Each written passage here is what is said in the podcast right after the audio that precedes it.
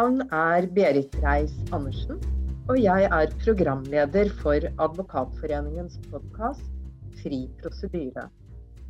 Rettslige spørsmål styrer store deler av samfunnet og livet ditt, og er viktigere enn du kanskje tror. Min gjest blir invitert hit fordi hun kan mye om et tema som fortjener en stor plass i samfunnsdebatten. Dagens tema er domstolstruktur, og jeg har invitert hit advokat Trude Marie Wold fra Sortland, også nestleder i Advokatforeningen. Velkommen hit, Trude. Takk skal du ha. Domstols... Jeg kan nesten ikke uttale det. Jeg begynner igjen. Domstolstruktur. Det høres utrolig tørt ut. Men det handler vel egentlig om hvor skal vi ha domstoler her i landet, og hvor skal vi ikke ha domstoler? Ja, det kan jeg være enig i. Det er du enig i. Ja. Eh, Der hvor du bor, på Sortland, Ja. eh, der har dere en domstol. Det har vi, og den ligger sånn ca. 30 meter i døra her og er, heter Vesterålen tingrett per i dag. Vesterålen tingrett per i dag. Eh, vi skal straks snakke mer om hva det betyr for deg å ha en domstol eh, bokstavelig talt rett utenfor kontorvinduet ditt.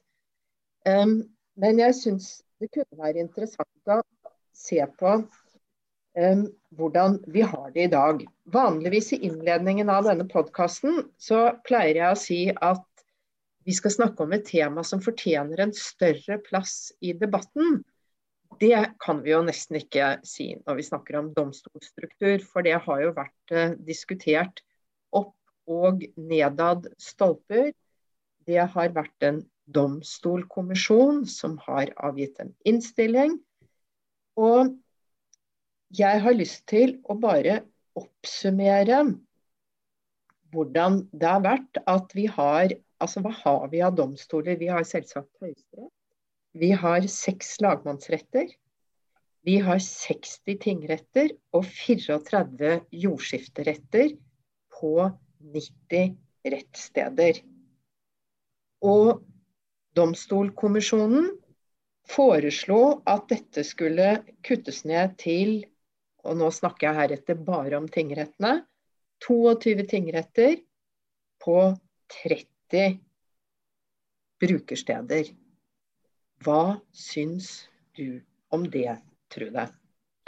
Det var jo jeg og fortsatt for så vidt veldig uenig i. Eh, Det ville få store konsekvenser for Og mitt ståsted er jo Sortland og Nord-Norge. Eh, men, men det er jo mange andre plasser i landet det også får store konsekvenser. Men jeg har vært dypt uenig i det, og, og har ganske, vært ganske klar i talen eh, i forhold til det. Ja, og du er jo nestleder i Advokatforeningen, og man kan jo trygt si at advokater flest de syns at dette var et kjempebra forslag. Eh, færre domstoler, større domstoler. Og du har jo allerede angitt hva som er utgangspunktet for at du tar en annen posisjon i debatten. Og skal vi kalle det utgangspunktet rett og slett Sortland, eller altså det at du bor i distriktet? Ja, du, altså, mitt utgangspunkt er jo Vesterålen og, og det som kanskje kalles uh, våres, den kretsen som jeg tilhører, som er mitt Hålogaland. Uh, sånn at det er jo med det, med de skoene på beina jeg har uttalt meg, og har veldig stor forståelse at andre ser annerledes på det, eh, alt ut ifra hvilke sko de har på seg. Ja, altså Mine sko de er godt plantet i Oslo, eh, hvor vi har landets eh, største tingrett. Hvor jeg i samme by har en lagmannsrett, og jeg hvor i samme by har høyesterett. Eh, hva er det som ser annerledes ut når du står i Vesterålen? Ja, og i tillegg til, bare for å kommentere det, så i tillegg til at du har domstolene der, så har du barnehuset der, du har fylkesnemnda der, du har et fengsel i nærheten. Eh, vi har jo ingenting av dette, men vi har en tingrett. Og, og det dreier seg først og fremst om det rettshjelpssøkende publikum. Altså Vesterålen består av en 32 000 innbyggere. Uh, som har en tingrett, men som for øvrig må Hvis barn skal i barnehuset, så må vi reise til Bodø. Skal man i lagmannsretten, så må vi reise til Tromsø eller Bodø. Uh, fengsel har vi jo ikke i regionen. Så, sånn at For, for vestrålingene så er det mye reising hvis man skal oppsøke de her. Og det er klart at Den identiteten som ligger i Vesterålen tingrett, den tenker jeg er veldig veldig viktig. Uh, for oss. Du, før vi snakker om det, bare for å gi uh, også søringene et uh, perspektiv. Hvor lang tid tar det å reise til Bodø eller Tromsø fra Vesterålen? Det er 40 mil til Bodø, det er 50 mil til, til Tromsø. Og for å bare si, jeg, brukt, jeg bruker å si litt sånn flåsete når jeg hører på P4 og sitter i bilen og kjører, så får du værmeldinger på P4, så sier de at i Nord-Norge er det i dag fint vær og, og, blå himmel. Og så kan jeg se ut gjennom vinduet og si ja da, det er det jo sikkert. Her høljer det, og det bløser masse. Det er 105 mil fra Sortland til Vadsø. Og, og, da reiser du nordover. Og så er det 50 mil til Mosjøen. Men du er fortsatt i Nord-Norge. Så det er omtrent som om man skulle gi samme værmeldinger for Oslo og Toskana. Ja, jeg syns det var fint å få den uh, geografibetraktningen på plass. Um, det var reisen. Og så skulle du til å begynne på hva betyr det for folk å ha en domstol i nærheten? Jeg tenker at det er veldig viktig i forhold til at uh, den domstolen er en del av miljøet og kulturen. Og Domstolkommisjonen har sagt det veldig godt i sin, sin, i sin utredning at uh, dette med tilgjengelighet må man forstå i vid forstand. At det ikke bare er snakk om, om geografi. Uh, og Det er jeg helt enig i. Men det er også snakk om kulturelle barrierer. Dette med å ha et juridisk utilgjengelig språk, uh, sakskostnader. Uh, og, og, dette med universell utforming av domstolene. Og dette har jo, altså, Det å forstå og leve i dette samfunnet eh, tenker jeg er viktig når du skal være dommer her, at du er en del av det miljøet du, du dømmer i. Og, og, vi kan bli veldig gode på fag, og fag er kjempeviktig for oss jurister. Og, det, og jeg jo, kan jo tidvis falle dypt ned i faget hvis jeg, hvis jeg, har muligheten.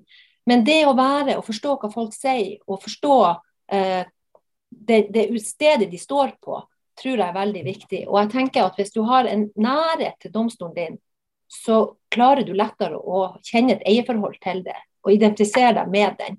Og Det tenker jeg er viktig for meddommere, det er viktig for alle de som kommer inn i domstolen. Så du tenker sånn at eh, når dommeren forstår hvordan livet er i Vesterålen, eh, kjenner skoletilbudet, eh, er det et eh, Gjelder sakene eh, knekt kjevebein, Eh, på puben, så er det greit å kjenne miljøet det har sprunget ut av. Er det slike ting du tenker på? Ja, jeg, jeg tenker på det jo at man på en måte eh, kan At man ikke blir så utilgjengelig. at man, man, man altså Det er jo lengre eh, avstand det er til domstolen. Jeg tenker også at den blir fjernere i folks bevissthet. Og så tror jeg også at terskelen blir høyere for å oppsøke eh, domstolen. Og det er òg veldig problematisk. Eh, fordi at eh, til syvende og sist så Altså det å, å, å ha tilgang også i, nær, altså i, nærheten Jeg tror ikke mange i Vesterålen har et veldig nært forhold til Hålogaland lagmannsrett. Eh, men vi, vi, vet og kjenner til og, og, og Vesterålen tingrett, som vi har hatt her i alle år. Og, og så er det jo ikke minst advokatmiljøet. Ja, du er jo på et kontor som er ganske stort til å være et kontor på et lite tettsted. Mm. Um, hvor mange advokater er dere ved ditt kontor? Vi er fem. Og til sammen, hvor mange advokater er det på Sortland? Eller i Ja, det er i underkant av 25 med politiadvokater og, og eh, kommuneadvokater. Hadde de vært der hvis dere ikke hadde hatt uh, um, uh, Vesterålen tingrett? Nei, og det, det mener jeg med altså, jeg, Nesten sånn jeg kunne ha sagt garantert, så skal man ikke være så bombastisk, men jeg mener at erfaringen viser med de tidligere nedleggelsene at det kommer ikke til, til å skje. Og Domstolkommisjonen har jo også fått dette utreda gjennom Copenhagen Economics, som sier helt klart at domstolsreformen vil få betydning for advokatene sine geografiske tilstedeværelse. Eh, sånn at Advokater er jo ikke i retten hele tiden. Det er jo, og det er jo heldigvis ikke folk flest heller. Eh, de fleste er kanskje ikke i retten hele sitt liv, eller de er det ikke så ofte. Men rettshjelpstilbudet er vel helt avhengig av All rådgivningen er vel avhengig av at det er advokater på stedet? Ja, absolutt. Og, og det, er, det, er, jo sånn at man ser jo eh, altså Her på kontoret mitt, som vi er fem advokater, så er vi to advokater som går veldig mye i retten, og så er vi tre som nesten ikke er i retten. Men de har jo mer enn nok å gjøre. Og vi ser jo også når vi oppsøker de kommunene rundt oss, at når vi kommer til stedet, så, så får vi eh, da kommer folk og oppsøker oss, som ikke ville oppsøkt oss hvis ikke vi hadde kommet dit. F.eks. på Andenes så har vi kontordager, og, og, de folkene som oppsøker oss der, mange av de ville ikke ha kommet til oss hvis ikke vi hadde vært der ute. Så, sånn at eh, jeg tenker Det er en klar sammenheng, og vi jobber bevisst i forhold til at, eh, at vi mener at uh, folk i Vesterålen skal ha et godt rettshjelptilbud i Vesterålen. Fordi at kostnader og alt vil øke hvis de må oppsøke eh, bistand utenfra. Vi ser jo også at det er ganske stor forskjell mellom de omkostningsgavene vi leverer, og hvis jeg møter en, en advokat f.eks. fra Oslo, så er det en ganske stor kostnadsforskjell. Så, eh, ja. Men det du snakker om nå, om tilgjengelighet på advokater, det er jo faktisk en del av noe eh, større og mer omfattende, faktisk en menneskerettighet. Mm. Det å ha tilgang på rettshjelp, eller access to justice, access to law, som man kaller det i internasjonal sammenheng. Uh, slik at dette er altså en konsekvens uh, som du frykter, og hvor du bygger på forskning på området. Mm. Ja. Og, og vi, hvis vi går 20 år tilbake i tid, så var det syv advokater i Vesterålen. Og, sånn at vi ser jo, og, vi, og, det var veldig vanlig at de folkene som brukte advokater, de søkte mot uh, Harstad og Tromsø og Bodø. Uh, men hvis, vi må, det jo, har jo også noe med hvilket samfunn vi vil ha. Hvordan distrikt, og nå er jeg, vil jo understreke, jeg er jo ikke av den oppfatning at alt skal være sånn som det alltid har vært. Og jeg er heller ikke av den oppfatning at vi skal ha en domstol på hvert eneste nes. Uh, så, sånn at Det er ikke det som er poenget, men, men det her med at folk skal ha tilgang til til advokat i sin sånn høvelig nærhet, det tenker jeg er helt, helt sentralt i denne debatten.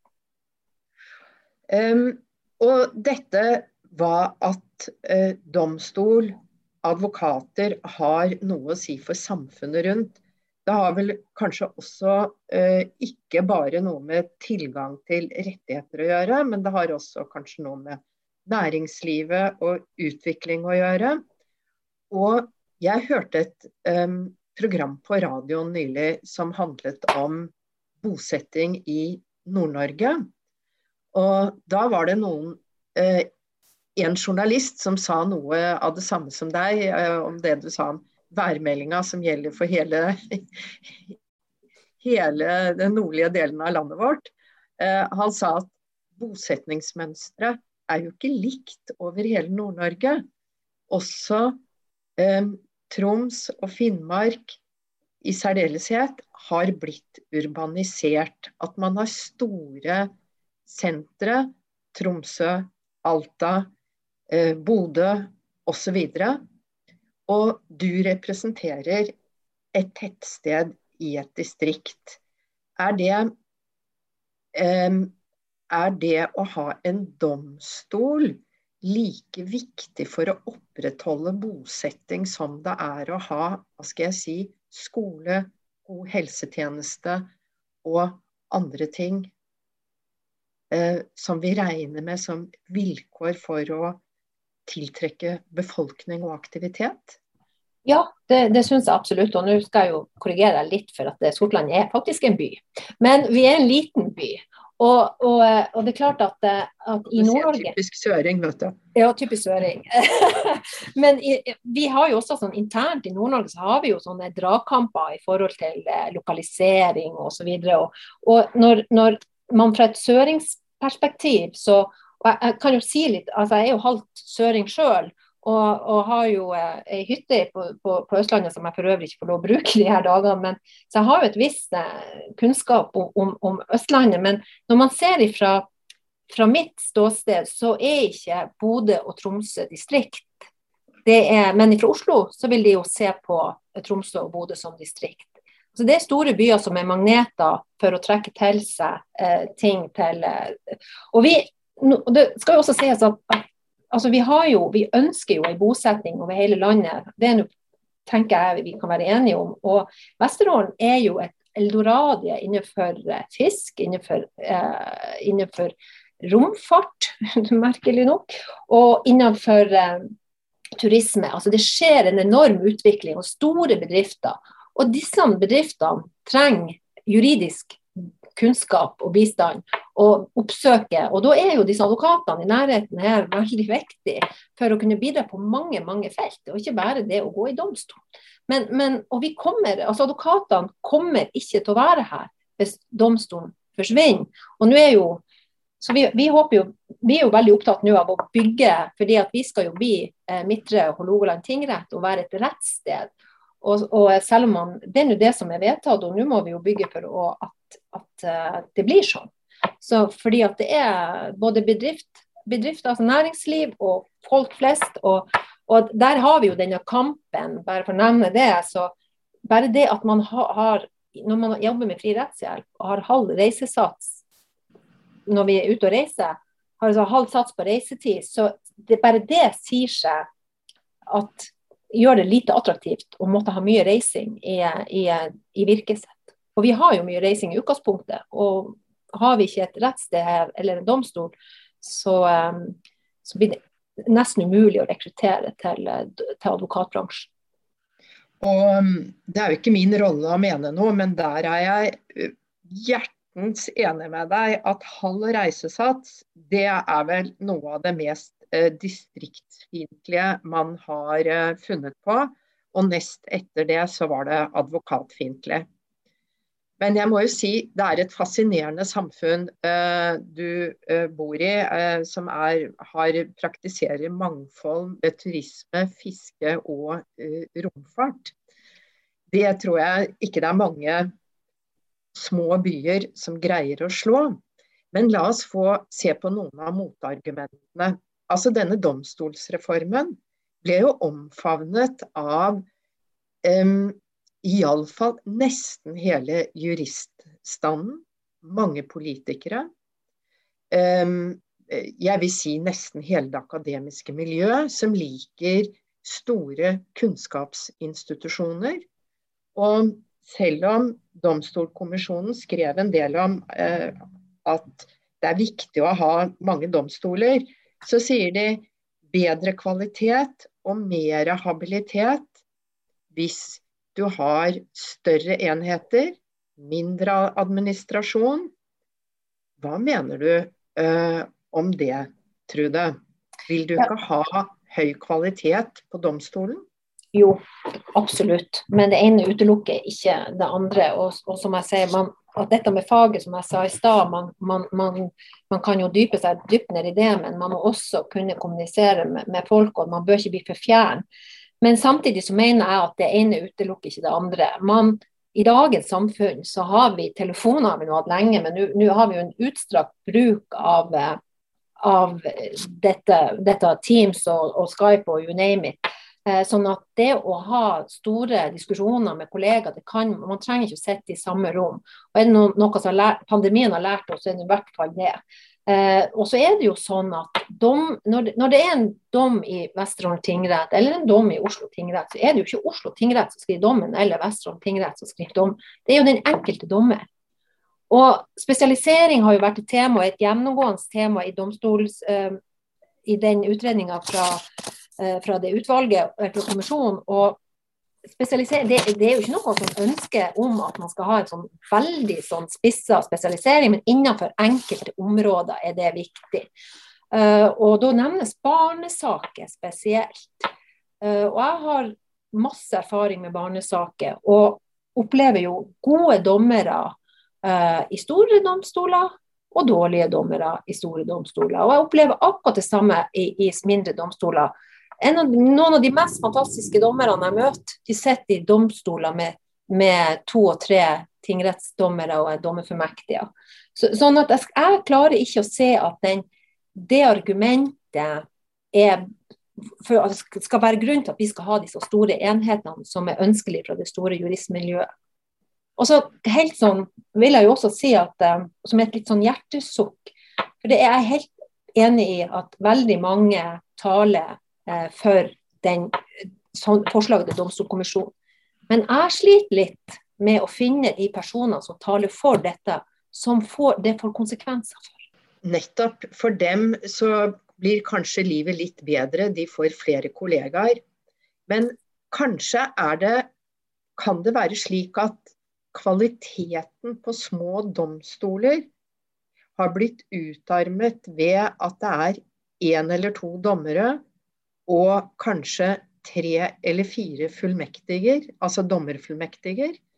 Og da blir det jo et veldig misforhold mellom den erfarne dommerkompetansen som kommer i mindretall, og den midlertidige opplæringsstillingen.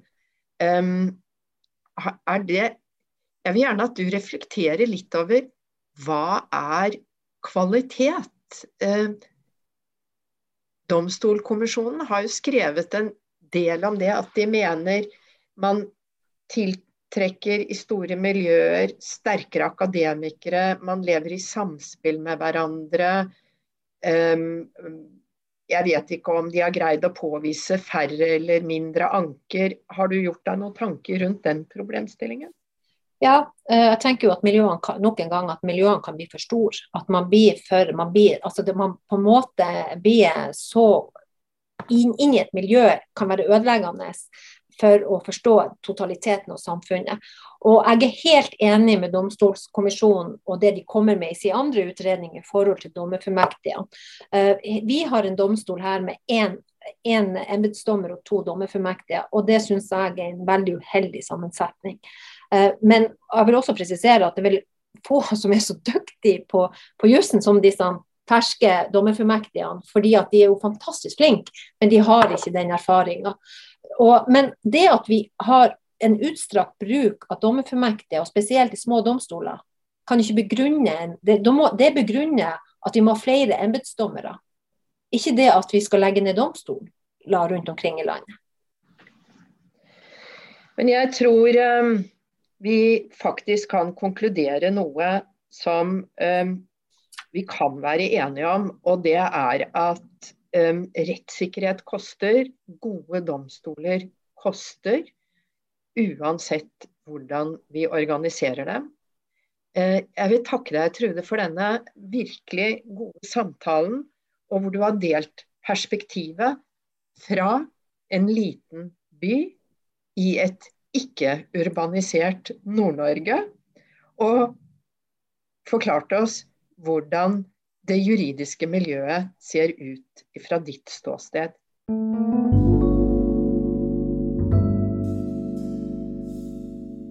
Før jeg slipper deg, vil jeg vite litt mer om deg. Og du har lovet å gi meg et ord eller en setning som betyr noe for deg. Da har jeg valgt ett ord, og det er alenetid. Og for et uh, deilig ord under normale omstendigheter. Tusen takk, advokat Trude Wold.